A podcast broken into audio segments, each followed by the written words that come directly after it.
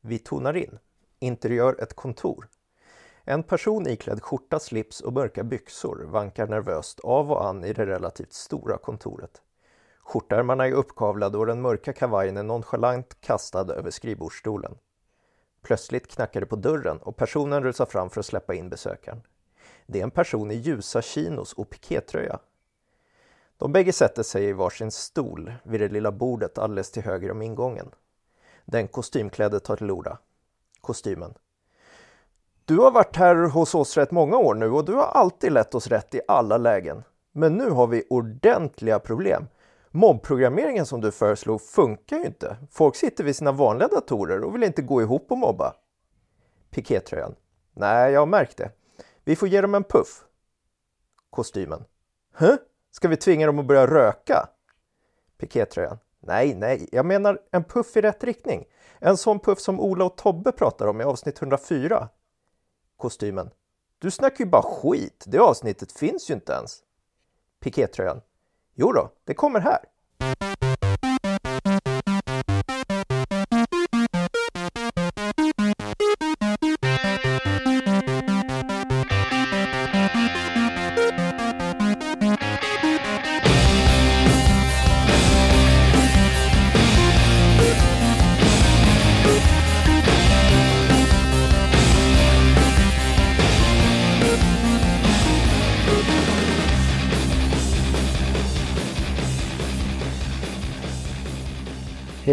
Och välkommen till Väg 74, en podcast om mjukvaruutveckling. Jag heter Ola, du heter Tobbe. Jag heter Tobbe och du heter Ola. Hur är läget? Det är bra. Ja, Hur är det själv? det är bra. Tobbe har idag en så här jättetuff grej på armen som ser att han gör att han ser lite så här badass ut när han sitter. Han går runt med det kan vara en så här grej som man liksom karatar ner folk mycket så måste man ha ett litet stöd runt armen. Ja. Eller så har jag bara tennisarmbåge, jag vet inte. Ja, nej men det, det vet man inte om man är liksom på lite håll. Nej. Du- du bara går runt och Jag får skriva, jag får skriva någon så här uh, Gangsta for life på den här eller något. Så Ja, just det. Ja, det är bra. FTP kan du skriva på den. Efter P. Mm. Vadå efter P? Ja, men det vet ju alla att det är inte bara File Transfer Protocol utan det står också för, för Fuck the Police. Jaha, okej. Men när det kommer en polis då kan du säga att det, det står för FTP, port 21 vet du. Ja. Och då var polisen var okej, cirkulera. Mm. Ja, det, det var ett intressant intro. Men eh, vi ska prata om puffning idag. Eller som det heter på engelska, nudge, eller nudging. Men innan vi gör det så ska vi zooma in på någonting. Och det är ju också ett engelskt ord. Att zooma in. Ja, Zoom in. nej, jag tänker på eh, crunch eller crunch mode. Crunch. Cro, cro, crunch. Vad, en, vad skulle vara en korrekt svensk term för det där? Jag tror inte att det går att översätta för då sabbar man ju hela grejen. Det verkar ju vara en grej att det ska heta crunch. För då Mm. vet ju alla vad crunch är. Ja, det är inte Captain Crunch, de här flingorna. Ja, Det kan det ju möjligen vara det också. Men Ja. Och det är inte heller att du gör så här stomach crunches, alltså att du gör så här sit-ups. Liksom. Pressa! ja. Pressa Press, läge. pressa är väl ganska bra i och för sig. Ja. ja, men vad är det Tobbe för någonting? Jo, men det är, eh, jag vet inte om det kommer därifrån, men det är ju eh, väl använt inom spelindustrin tydligen. Mm. Eh, jag lyssnade på P3 Dokumentär här eh, om veckan som hade en dokumentärpodd som handlade om just crunch. Mm. Och det handlar ju om att, att tydligen så hör det i princip till att när det börjar bli dags att släppa ett spel då ska man gå in i crunch mode. Det vill säga jobba skiten ur sig. Ja. Och det är ju så här. All forskning visar ju att det är helt totalt ineffektivt. Det kan funka kanske så här en vecka maximalt. Mm. Då kan du få ut lite extra av, av eh, ja, dig själv eller dina anställda. Eller, eh, Men va- men därefter så, så tappar du ju effektivitet och du blir ju till och med mindre effektiv än du var innan. Varför, varför tror folk att det blir effektivt och varför tappar man då? Ja, att man tappar är inte så konstigt för du äter ju liksom av din vilotid. Och det gör mm. ju att du blir ju liksom, du blir ju trögare i, i hjärnan och kan inte tänka lika klart. Och du, du skriver ju säkert jättemycket fler buggar också. Det blir så här, återhämtningstiden blir lidande. Ja, precis. För att, du, för att du bara jobbar och jobbar. Ja, precis. Mm. Um, och det verkar också, det störde mig också vansinnigt i den här podden, att det verkar också höra till så här att det är liksom uh, Ofta så är det självpåtaget att de gillar att cruncha. Det, det är en viss mm. grej sådär att du, du liksom Ja men nu gick vi ihop här och det, det, man får ju en lagkänsla liksom att nu har vi jobbat järnet här allihopa och gått ihop och crunchat och sådär. Mm. Och det, det man liksom man tittar inte alls på resultatet heller utan man tittar bara på liksom hur mycket har vi crunchat. Typ så här, åh, förra veckan så crunchade jag 200 timmar.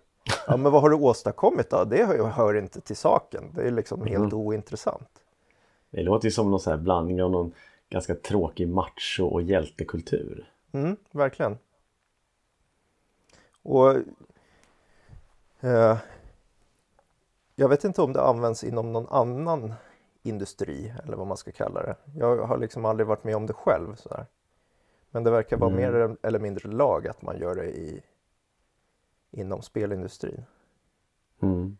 De, alltså, jag har fått för mig att inom spelindustrin så jobbar du ofta mot en deadline. Mm. Och du sätter ett datum. Här har vi, här släpper vi det här spelet. Ja.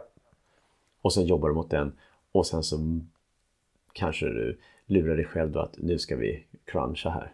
Mm. Det går ju mycket emot min filosofi för hur jag vill arbeta. Mm. Typ släpp någonting litet först. Men, men jag tror att de hela tiden övertygar sig själva om att nej men vi, det går inte att släppa det här utan att det här finns med. Nej. Och det eh, tog de upp här i podden också. De hade liksom pratat med lite folk som hade tittat på var, vad det kunde bero på att det alltid blev så här. Att, mm. Eh, för ju, man vet ju långt i förväg när det där releasedatumet kommer. så att man ja. borde ju kunna ha sakerna klara tills dess utan ja. att jobba skiten ur sig. Men då är det tydligen eh, också förmodligen för att det är underhållningsindustri så är det liksom feature creep blir ofantligt mm. i slutet. Det drar iväg jättemycket. Man liksom, det är inte så här okej, okay, nu låser vi här. Nu, nu har vi den här funktionaliteten. Nu finputsar vi så att det är buggfritt. Utan det är mm. hela tiden, ända in i mål, så liksom läggs det till nya. Det hade varit coolt om det var ett sånt där uppdrag också. Ja, men då lägger vi till det också. Liksom. jag förstår att det blir sådär. Och det finns ett ord för det här, inser jag. Mm. Mm. Planeringsjäv. Ja, just det. Det finns alltid för lite tid. Vi kommer faktiskt prata om det lite senare idag. Mm. Men att det, att det, det, här feature creep, att folk vill slänga in coola grejer hela tiden. Mm. Det förstår jag ju också att om du kommer på en bra idé så vill du säkert ha med den. Men återigen så vet ju både du och jag att eh, lägger du till någonting då behöver du ta bort någonting annat annars så kommer du inte eh, bli klar på, på samma utsatta tid. Mm. Det, det är fascinerande ändå. Jag trodde att jag, var, att jag ville jobba inom spelindustrin väldigt länge. Mm.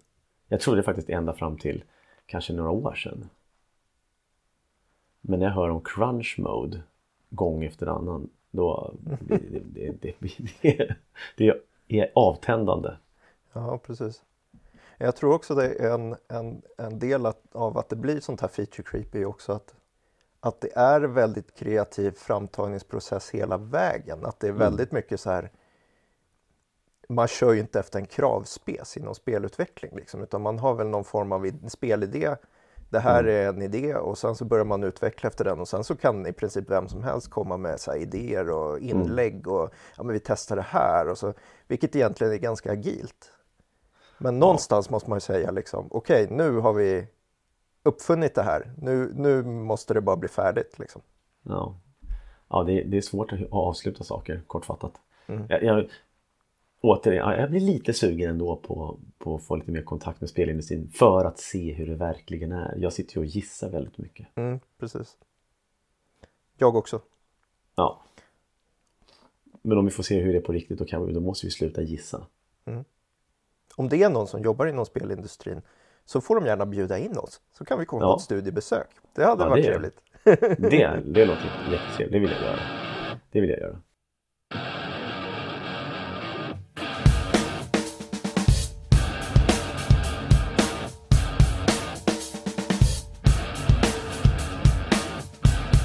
Puffning. Puff, Puff. puff, puff. Puffning. Eller nudging. Vi har läst en bok. Av en nobelpristagare bland annat.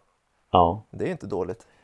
fast jag vet att eh, det är inte Nobelpriset.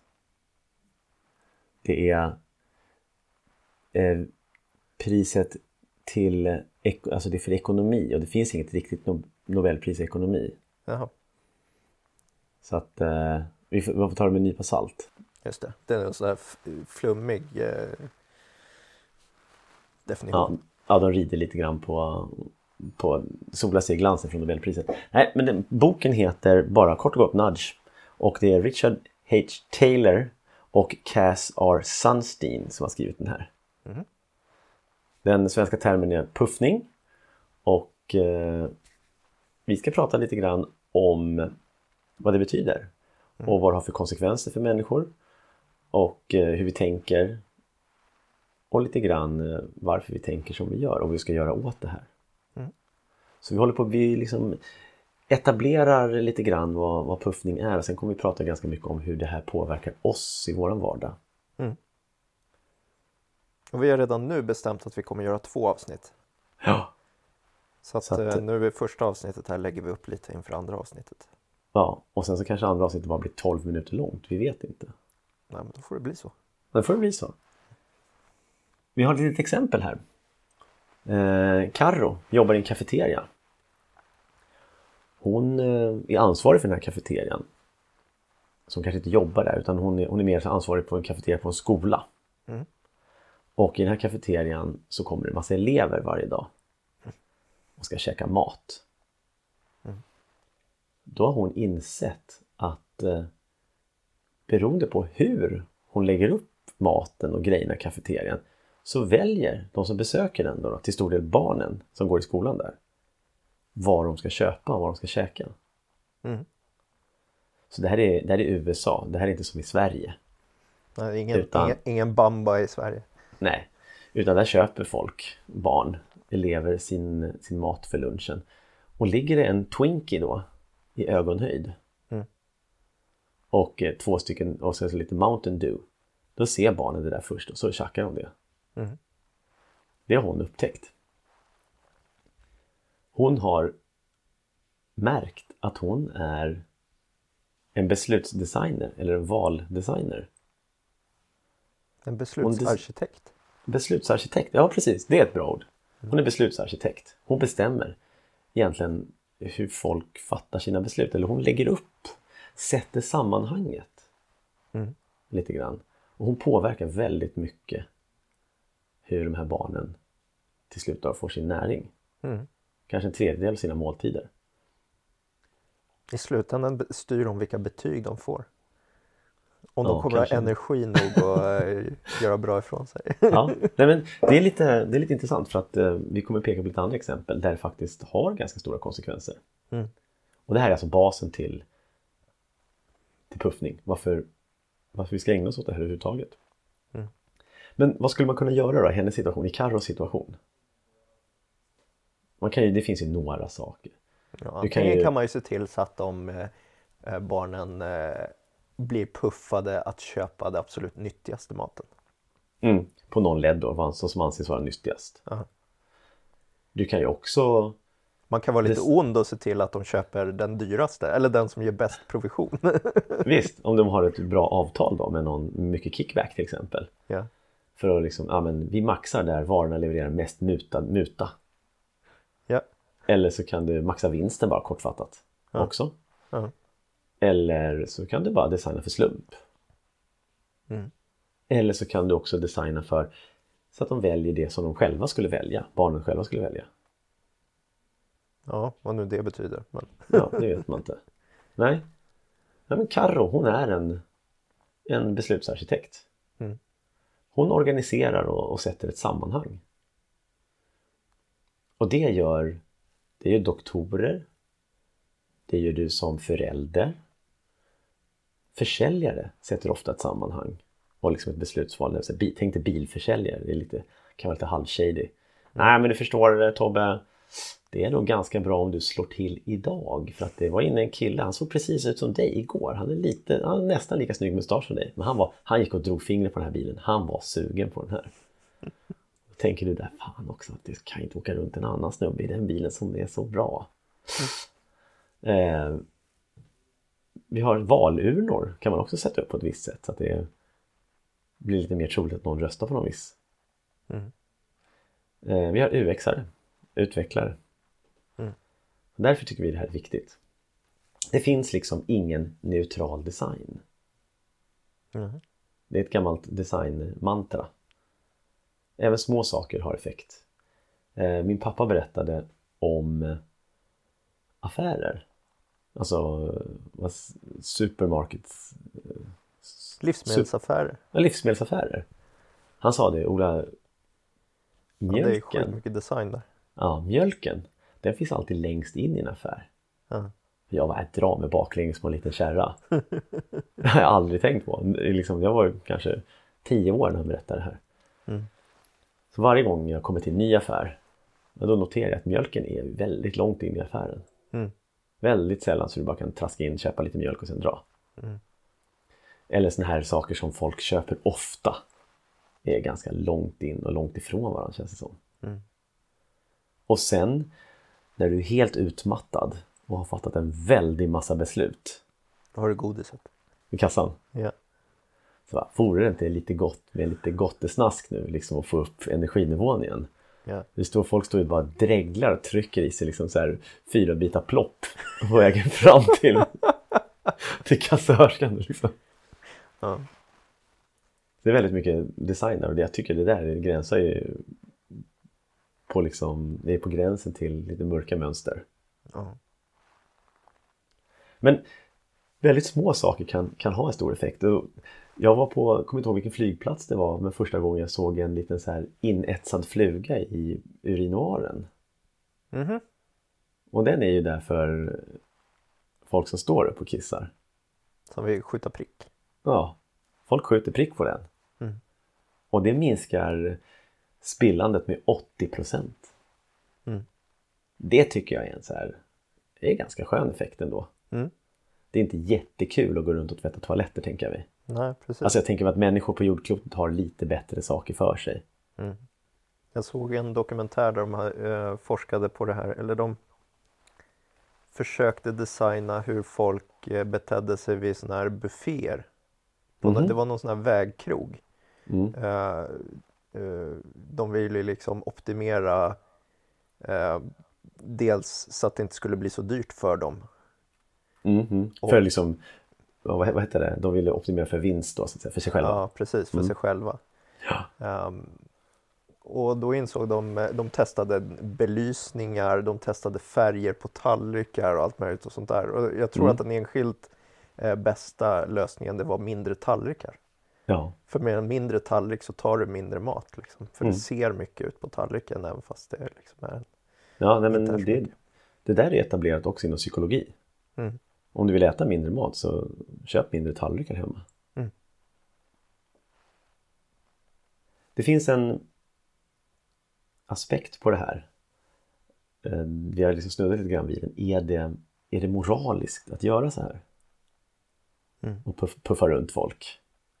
Mm. Jag, jag ringde dig eller messade dig här i veckan när jag var ute och gick på SLs eh, pendeltågsplattform. Mm. Det tyckte jag var en helt suverän puffning. Kommer du ihåg hur den var?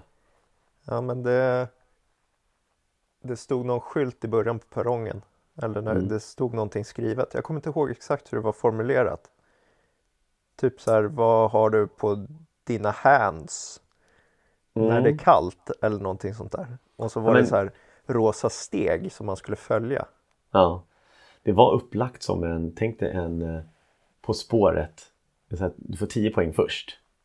Ja okej Och sen så fortsatte spåren. Och sen så var det 8 för 8 poäng. Och så fortsatte spåren. Och sen så vid två poäng var det uppenbart vad det var. Ja. Och eh, just på den här perrongen så var det mitten som var svaret. Just det. Och nu är du på mitten av perrongen. Förmodligen kommer du ha lättare att hitta en sittplats i tåget.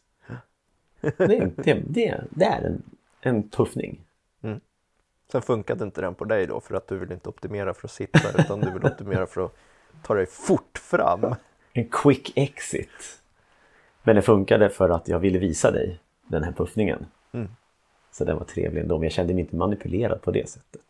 Inte så manipulerad. Men det finns saker där man kan känna sig lite manipulerad. Men det är inte meningen att du ska göra det. Utan en, det här ska göras med en viss känsla. Mm.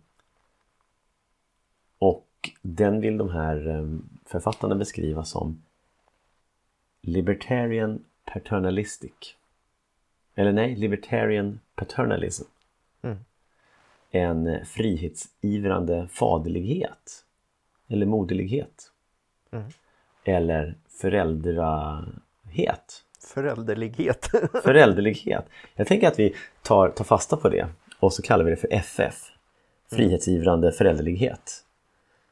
FF, det betyder det är liksom basen i det här är frihet att välja. Som gör att man och den här faderligheten eller moderligheten den är den är liksom optimerad för att du ska få du ska må bättre. Du ska få det bra. Vi har frågat folk, vill ni må dåligt? Nej. Vill ni må bra? Ja, vi vill att folk ska må bra. Och må bra enligt dem själva.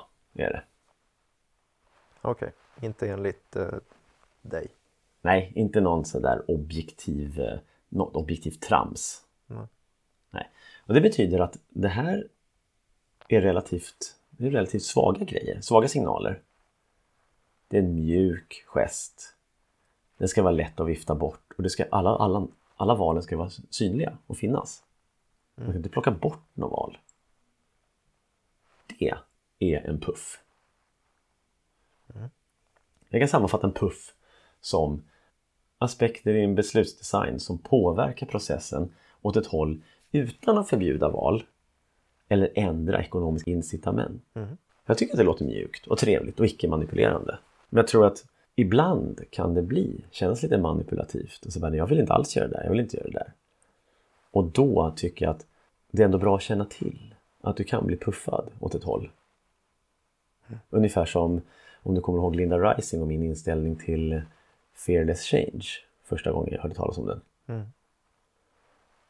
Det var x antal år sedan jag läste den och jag bara, det här är bara en massa manipulativa förändringsmönster. Mm. Och då sa Linda, nej men du kan, ja, du kan se det så Ola. Men du kan också se det som att det här är mönster som folk utnyttjar utan att de vet om det. Eh, själva eller du. Det kanske skulle vara kul för dig att veta om när sådana här mönster håller på att eh, hända.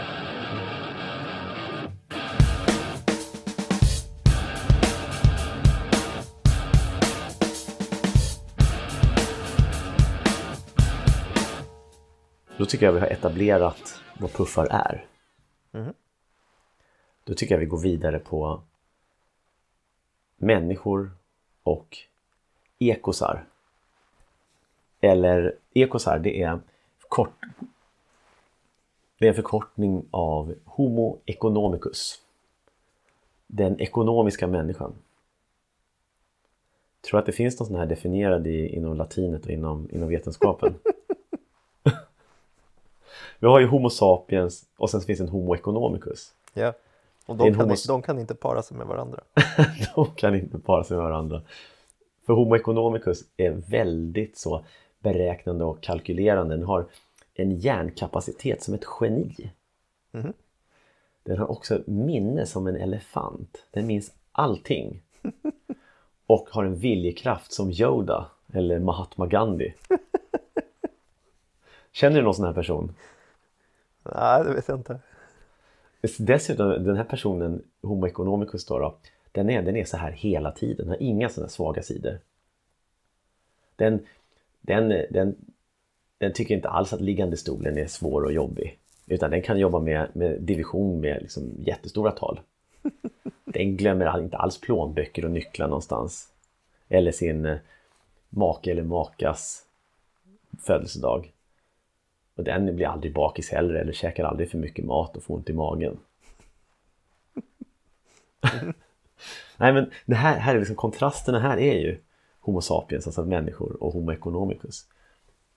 Och de här ekosarna då, då de existerar ju inte alltid. Nej. Och det är därför vi behöver lite puffning. Enligt Rickard och Cass. Ja. För att eh, annars skulle vi aldrig ha problem med, med alkohol eller rökning eller vara överviktiga. Då skulle vi förstå att det där är kanske inte bra i längden. Men låt oss säga att alla var ekosar. Det skulle ändå inte gå att planera och spå in i framtiden. För det skulle liksom krävas att man hade tillgång till all information hela tiden. Men det som vi vill komma åt här med puffning det är att man ska fatta beslut utan jäv. Och då kommer vi in på det här planeringsjävet igen. Mm. Och, och det visar, har visat att vi har alltid för lite tid. Vi faller i den fällan gång efter annan. Olika mycket då, då. Det finns säkert någon lyssnare som sitter där och bara Du, jag kommer alltid i tid. Jag har aldrig kommit för sent. Jag har aldrig åtagit mig någonting och inte avslutat det på utsatt tid. Då kan vi bara säga grattis. Mm. På den ledden så är det förmodligen väldigt bra och är väldigt nära att vara en eko. En, en homo economicus. Mm. Men det kanske finns någon, annat, eh, någon annan led som till exempel den här status quo-jävet som är, den här trögheten eller slöheten som kan, sammans, som kan sammanfattas med att äh, jag gör det sen. Den har aldrig drabbat mig.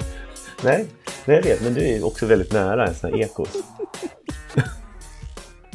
det är inte så här bara, ja, ja, ja, ja men jag, jag gör det, jag gör det sen. Jag ska bara, jag ska bara göra den här grejen först. Mm.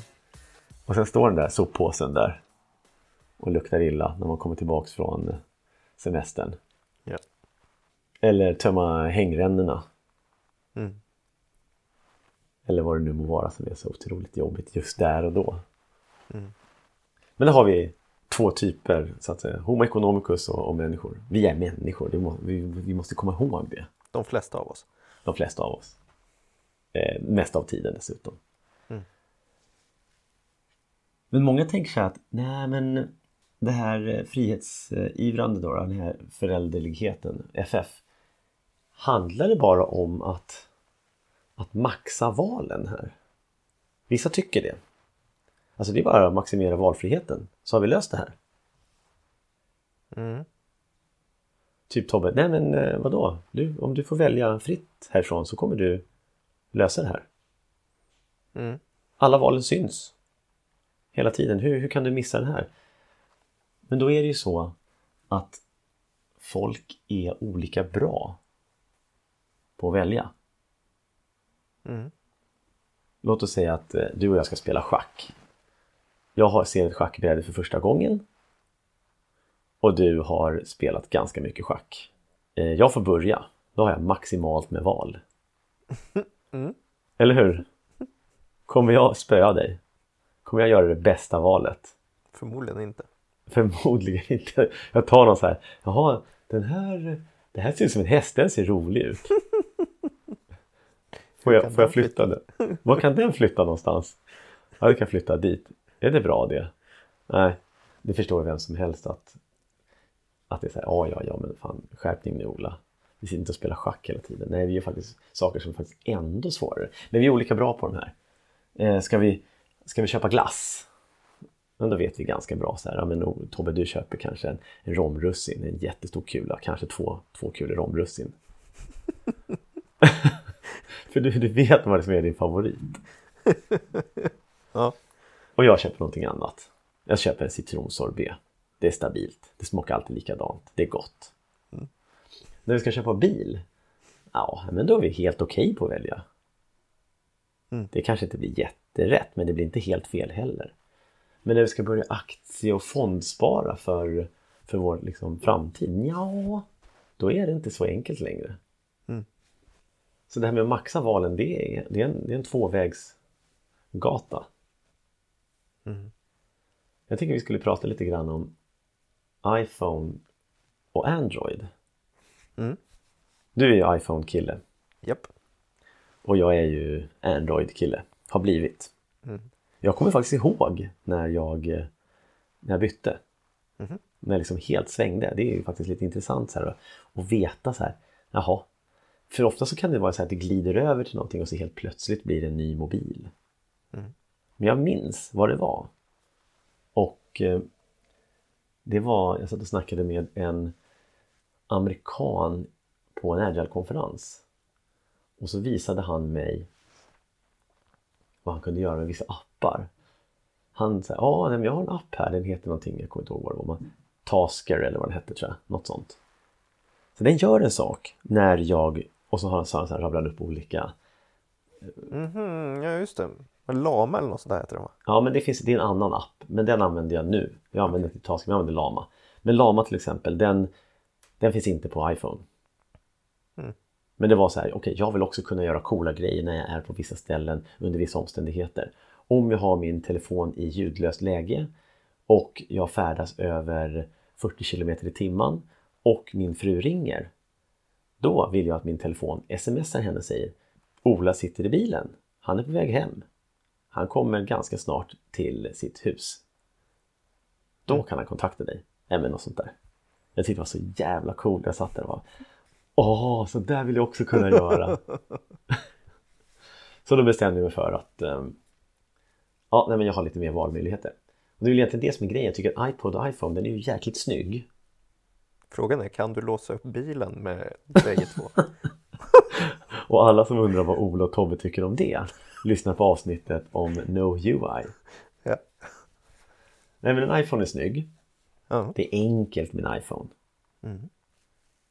Den är stringent Man vet hur det funkar i en iPhone Som kontrast då, så har vi en Android, ja, men den har hårdvara som inte blir utnyttjad Den är lite kanske lite taskigt batteritid den är, Det är väldigt spretigt med apparna i den och det är otillgängligt enligt många. Mm.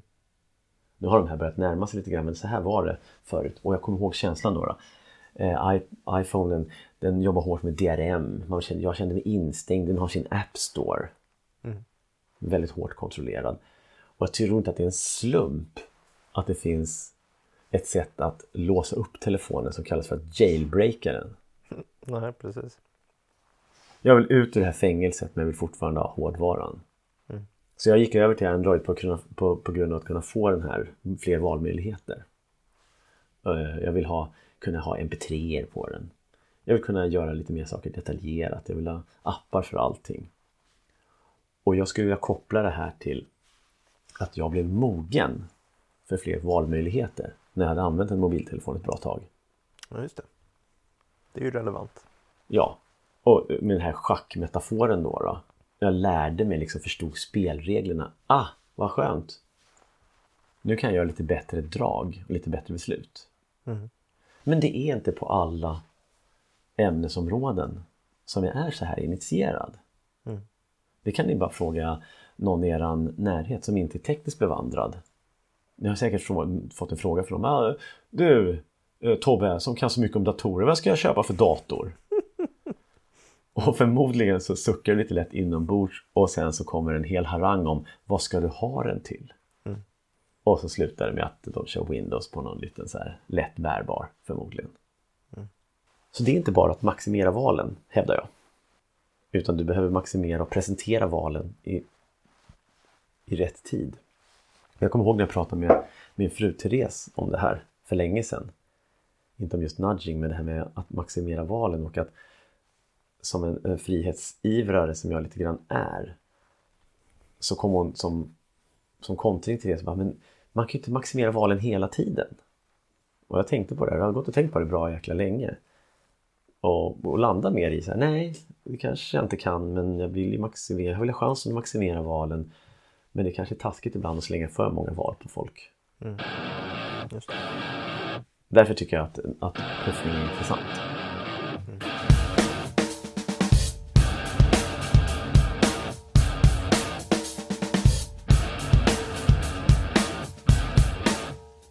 Så jag tänkte att vi ska hoppa till eh, lite nä nästa episod här som pratar lite grann om hur vi tänker. Mm. Du har nog hört talas om Kahnemans forskning om Thinking Fast and Slow eller system 1 och 2. Mm. Jag har inte läst den boken än men Nej, den är intressant. Eh, Men jag tänkte vi sammanfattar den lite grann här. Jag tycker mycket mer om, han kallar det för System 1 och System 2 och det säger mig ingenting. Snabb och långsam säger mig mycket mer. Vi har ett sätt att tänka som är snabbt och ett som är långsamt. Men det säger inte heller riktigt allt. För det här snabba sättet, det är automatiskt. ja. Du fattar automatiska beslut. Det andra är. Typ. Ryggmärgsbeslut, det är jättebra. Det känner de flesta till. Mm. Och det andra är mer reflekterande. Mm. Jag tänker med den här klassiska statyn på den här farbrorn som sitter och Mm. sitter helt still. Men den automatiska då, då? Den är ganska okontrollerad. Den är associativ. Så här, då händer det här, och då kommer det efter det, så bla bla bla bla bla. Och de, de flesta är väldigt snabba och bra på association. Och se mönster. Ja, visst. Precis. Och se mönster. Det är faktiskt jätterelevant. För hjärnan ser mönster där det inte finns några. Mm. Och det är liksom människan superbra på att se. Ja, nähä. Nu gjorde den här personen så bara för att okej, jag tror jag förstår, jag förstår. det, det fattar omedvetna beslut, hjärnan. Och det som är så bra med det här och för att, varför att det här överhuvudtaget finns antar jag, det är att vi gör det här utan ansträngning. Jag kommer Visst. osökt att tänka på en av karaktärerna i, eh, i vårt rollspel. Ja, vem var det? Eh, Ja, jag tror jag vet vad hette han? Eh, Sockerbollspelaren som eh, eh, Ansiktsteori, eller vad kallar Ja, han det? ja, han ja, var ansikt. expert på ansiktsteori. Utifrån folks ansikte så kunde han eh, ta massvis, eller hon, Ja, ta, veta massvis. allt om den här personen. ja, ett typiskt oekonomisk person, det ser man på haklinjen. Sammanväxta ögonbryn, då är Ja. han eh, en sån här. Ja, ja det är roligt. Och, och det, det där går ju väldigt fort. Mm. Eh, och där uppfattas du som skicklig när du gör såna här grejer. Mm. Gör en piruett. Gör någonting skateboard. Du har liksom lärt dig någonting i ryggmärgen. Mm. Rita någonting helt sådär. Oj, oj, oj vad det såg ledigt ut. Mm. Å andra sidan då så har vi det här systemet som är lite mer reflekterande och långsamt. Det är mycket mer kontrollerat uppfattas det. Mm. Sitter och tar tid. Jag tänker på Skalman. det måste ta tid. Det är också reducerande tänk istället för ett associativt tänk. Du, du reducerar ner, tar bort saker. Det här hör inte hit. Jaha, nej det där måste vara så analytiskt. Mycket medvetet Mm. är det. Och med stor ansträngning. Mm. Du kan inte ägna dig åt det här väldigt länge. Utan ta en paus. Mm. Och du måste följa regler. Det gör du här. Sen när man tänker automatiskt eller snabbt. Den där hunden kommer att käka upp mig! Bort med den, bort med den! Och så ser du en liten så här chihuahua som kommer springande mot dig. Fast ditt reflekterande jag och ditt långsamma jag, det är mer så här. Jo, jo, men de flesta djur, de är ju rätt söta ändå. Mm. Och de här slåss ju mot varandra hela tiden. Mm. Jag tänkte du kunde få smaka på en liten, en liten påstående, en liten fråga här. Mhm. Det finns några stycken här, men jag vet att du egentligen kan den här, så du får agera lite förvånad. men ni som lyssnar, eh, smaka på den här. Du har ett badmintonrack och bollar. Tillsammans kostar de 1300 spänn. Racket kostar 1000 spänn mer än bollarna. Vad kostar bollarna? De 300 flesta- spänn säger min automatiska Det ryggmärg. gör, det gör den, med all rätt. Men det är fel. Men den tänker snabbt och fort och så här, så är det. Och det finns ett gäng sådana här frågeställningar som du kan bevisa att hjärnan faktiskt fungerar så här snabbt ibland och långsamt ibland. Och du måste verkligen sätta dig och reflektera över det här. Varför? Nej men vadå? Varför är det inte 300 spänn? Ja. Men ni som fortfarande tror att det är 300 spänn, ni kan pausa podden här och så ställer ni upp det här problemet eh, på papper, med papper och penna. så kommer ni se varför. Jag insåg när jag läste de där, de där eh, problemen i den där boken så, så reflekterade jag över att jag började direkt eh, använda min analytiska del. Mm. Så här, mm. Jag går inte på den där automatiska så lätt. Så jag vet inte om jag, om jag är väldigt bra på att trycka ner den. jag tror att du, eh, du hade väl ingen press på dig att svara snabbt? Nej, det är sant. För jag, tänk, jag, jag, jag känner igen de där frågorna. Och mm. jag känner så här, jag vill inte bli blåst. Ja. Och jag känner också att jävlar vad jag får anstränga mig. Mm. En av dem kände jag igen så pass mycket så att jag visste direkt vad det var. Men det är ju inlärt då. då. Mm. Och så fram, kanske jag skulle kunna framstå som skicklig. Mm. Uh, men, men jag gjorde det utan ansträngning och liksom, ja, nej men oj jäklar vad han var smart. Nej, jag är inte smart, jag bara känner igen det där. Det är mönstermatchning. Mm. Jag har varit med om det förr. Och då framstår man som skicklig och kanske smart. Mm. Det finns andra saker som gör att vi har svårt att tänka rationellt. Och det är ett av dem har att göra med förankring. Ett roligt exempel på förankring är i eh, Solsidan. Där eh, Fredde, karaktären, han ska göra någonting. De ska förhandla med sin fru om någonting. Mm. Och då säger hans kollega, nej men du måste jobba lite med anchoring. Mm. Jag ska inte spoliera det men det är ganska roligt så det kan man se på. Men det vi vill etablera här är väl egentligen att när du tänker på någonting så blir du påverkad av eh, siffror och saker du har hört. Och då gjorde några forskare ett experiment och då ställde de frågan eh, När var du på dejt senast? Och sen en följdfråga var Hur lycklig är du egentligen? Ja. Och då tänker alla som lyssnar nu som Det var jättelänge sedan jag var på dejt. Alltså jag måste, hur kan jag vara lycklig? Och så finns det en korrelation mellan de här två. Det som är intressant nu är hur vänder du på de här frågorna? Så här, hur lycklig är du? Och när var du på dejt senast? Mm. Då blir korrelationen och hur det, de här svaren hänger ihop, de blir inte alls på samma sätt. När har man bevisat då med den här forskningen.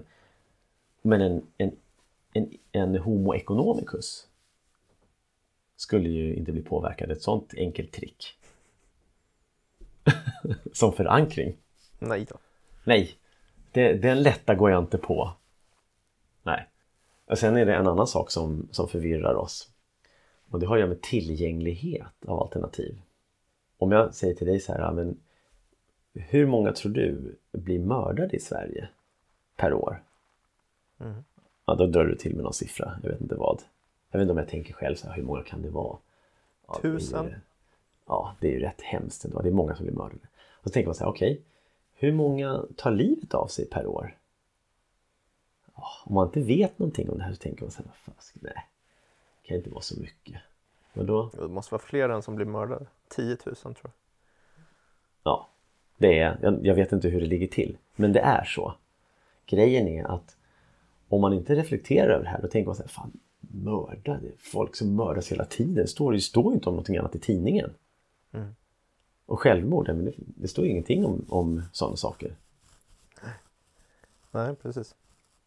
Men det finns det kanske andra exempel också. Men, men så här, okay, tillgänglighet till information eller valmöjligheter. Så här, ja, men jag vet ingenting om det här. Det, det förvirrar oss också väldigt mycket. Mm. Och sen har vi en sak som är, det här är så rolig eller jobbig, man blir lurad av hela tiden och det här har med fördomar att göra. Och det kallas representation. Hur valmöjligheter representeras eller hur information representeras och visas. Mm. Den här är ju ganska spännande då. Tänk dig en kvinna, Linda. Hon är 31 år, singel, frispråkig, väldigt smart. Hon har en kandidatexamen i filosofi hon kämpade för mänskliga rättigheter när hon studerade och demonstrerade en hel del mot kärnvapen. Vad är det mest troligt att hon börjar jobba med? Eller hur hon är när hon liksom med den här bakgrunden. Och så presenteras folk med en jäkla massa val.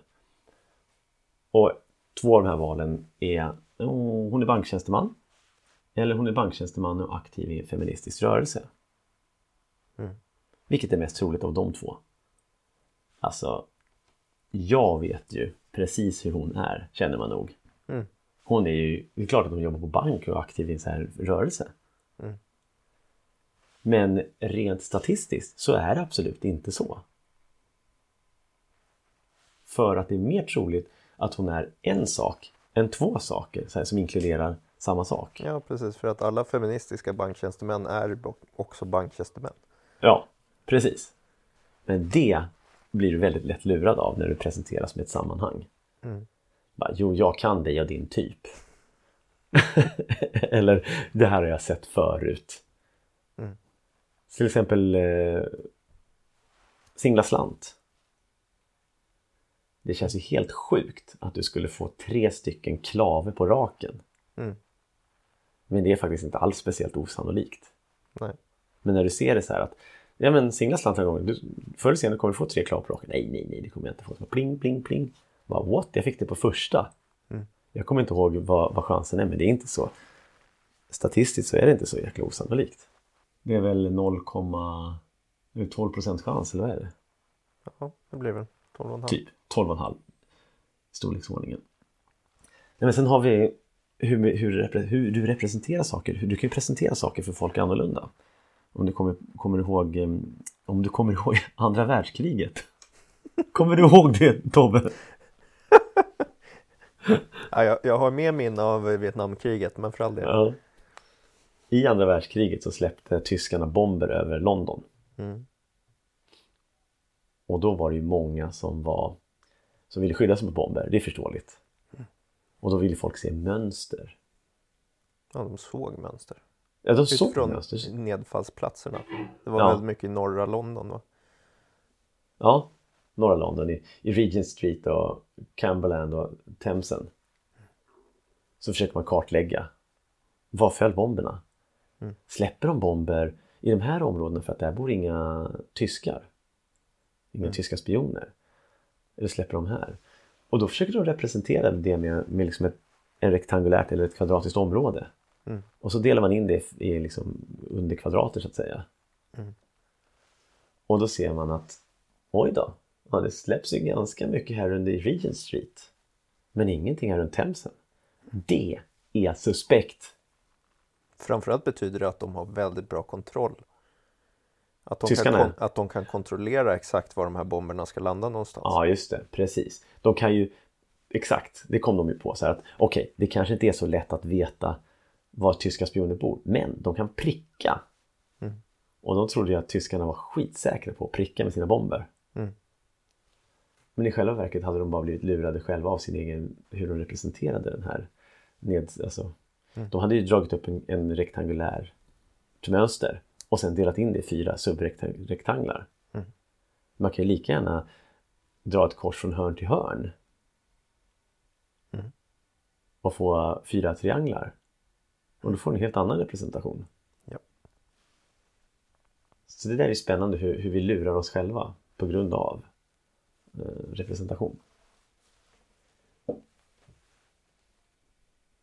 Ett sätt att representera hastighet eller att försöka påverka folk hur fort de ska köra är med hjälp av sådana här fart, farthinder, fartgupp. Mm. De tycker jag är lite så här, jag blir lite störd på dem. Mm. Jag tycker att du förstör en, en ganska fin väg. Mm. Oavsett om det är Speciellt när de är så jobbiga så att det inte går att köra över utan att skrapa underredes på bilen. Nej, men det, kan vara, det kan vara ett cykel, cykelgupp. Folk får liksom hålla ner. Eller det kan vara en bom. Som du måste eh, zigzacka igenom när du cyklar. Mm. Eller om det är någonting, jag vet inte, när du går som du så stör dig på. Men det var litet, en liten grej som du gjorde. Jag kommer inte ihåg vilken stad det var i USA, men eh, där var en kurva där folk körde väldigt, väl, då och då körde ut i vattnet. Mm. De hade satt upp skyltar det stod eh, max 40 miles per hour etc. Men eh, sen så gjorde de ett annat experiment och då drog de streck i marken. Eh, bara streck, In, inga sådana som så här, tut, tut, tut, tut, tut, utan streck. Och sen så när de kom närmre, närmre kurvan, då blev det, minskade de avståndet mellan strecken. Så när de kom och körde över de första strecken så kände de att vi håller den här hastigheten och sen så när det blir mindre och mindre avstånd kände de oj vad strecken kommer fort nu, vad fort jag kör.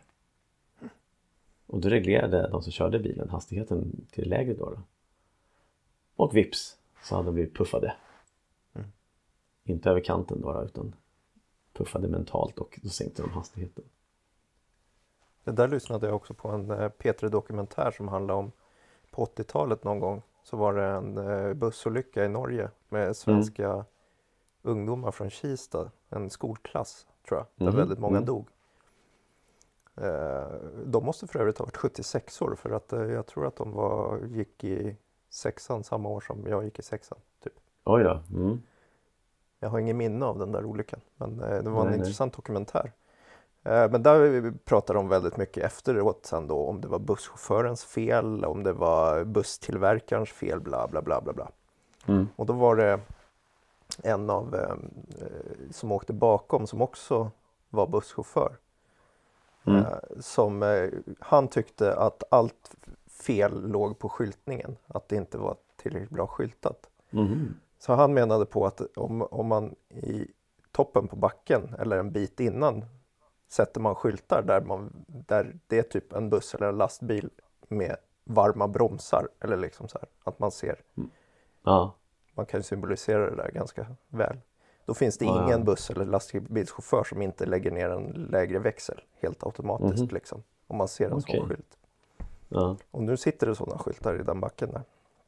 Eh, det, det, handlade om att eh, bussolyckan handlade om att det var en backe med tunnlar och eh, bussens bromsar slutade fungera. Ja. Mm. Det är också en form av Nej, puffning. Liksom. Det är det ju, helt klart. Helt klart. Vi pratar om en sak till och sen stänger vi det här avsnittet tänker jag. Mm. Vi ska prata om lockelse. Mm. Som också gör det svårt för folk att tänka. Vi ska prata om vår, vår inre Mr Spock och vår inre Homer Simpson. Nötskålen på ett, en fest så att säga inför, säg att du har lite snacks för en, eh, en fest.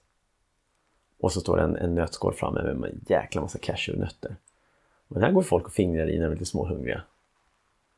Och liksom, åh, smaskigt, smaskigt. Och sen käkar de. Och sen käkar de för mycket så orkar de ingen middag. Mm. Det är typiskt sån där din inre Homer Simpson bara Nuts! ja. och folk säger, trots att man tänker på sådana här saker så, så hamnar man i någon form av tillstånd att man som, som Richard och Castor beskriver som ett hot, hot state. Ja. När liksom din inre Homer Simpson eh, typ dunkar ner Mr Spock och bara flyttar på dig ju återigen var ett experiment med den här gången popcorn. Riktigt dåliga popcorn på så här bio. Mm. Fyra dagar gamla popcorn som gnisslar när du tuggar på dem. yeah. Som ingen gillar. Och så serverar de de popcornen i en liten extra stor hink. Yeah. Och folk åt, jag vet inte hur många procent mer, men det var en rejäl mängd mer. Mm. Trots att de satt och tänkte, fan det här är inte bra grejer. och sitter och moffar i sig där popcornen. Och samma sak gjorde de ett experiment med soppa, med så här Campbells soppa, tomatsoppa. Mm. Mm. Och sa så här till folk, bara, ät så mycket du vill. Och verkligen så här, ja du får äta hur mycket du vill. Grejen var att den här soppan den fyllde på sig ett litet, litet så här rör underifrån. Mm. Så hur mycket folk än åt så fanns det lika mycket kvar. och folk överåt sig på det här. Och jag kände igen mig från det där. Så det, är, det är så enkelt. Mm. Att käka lite för mycket.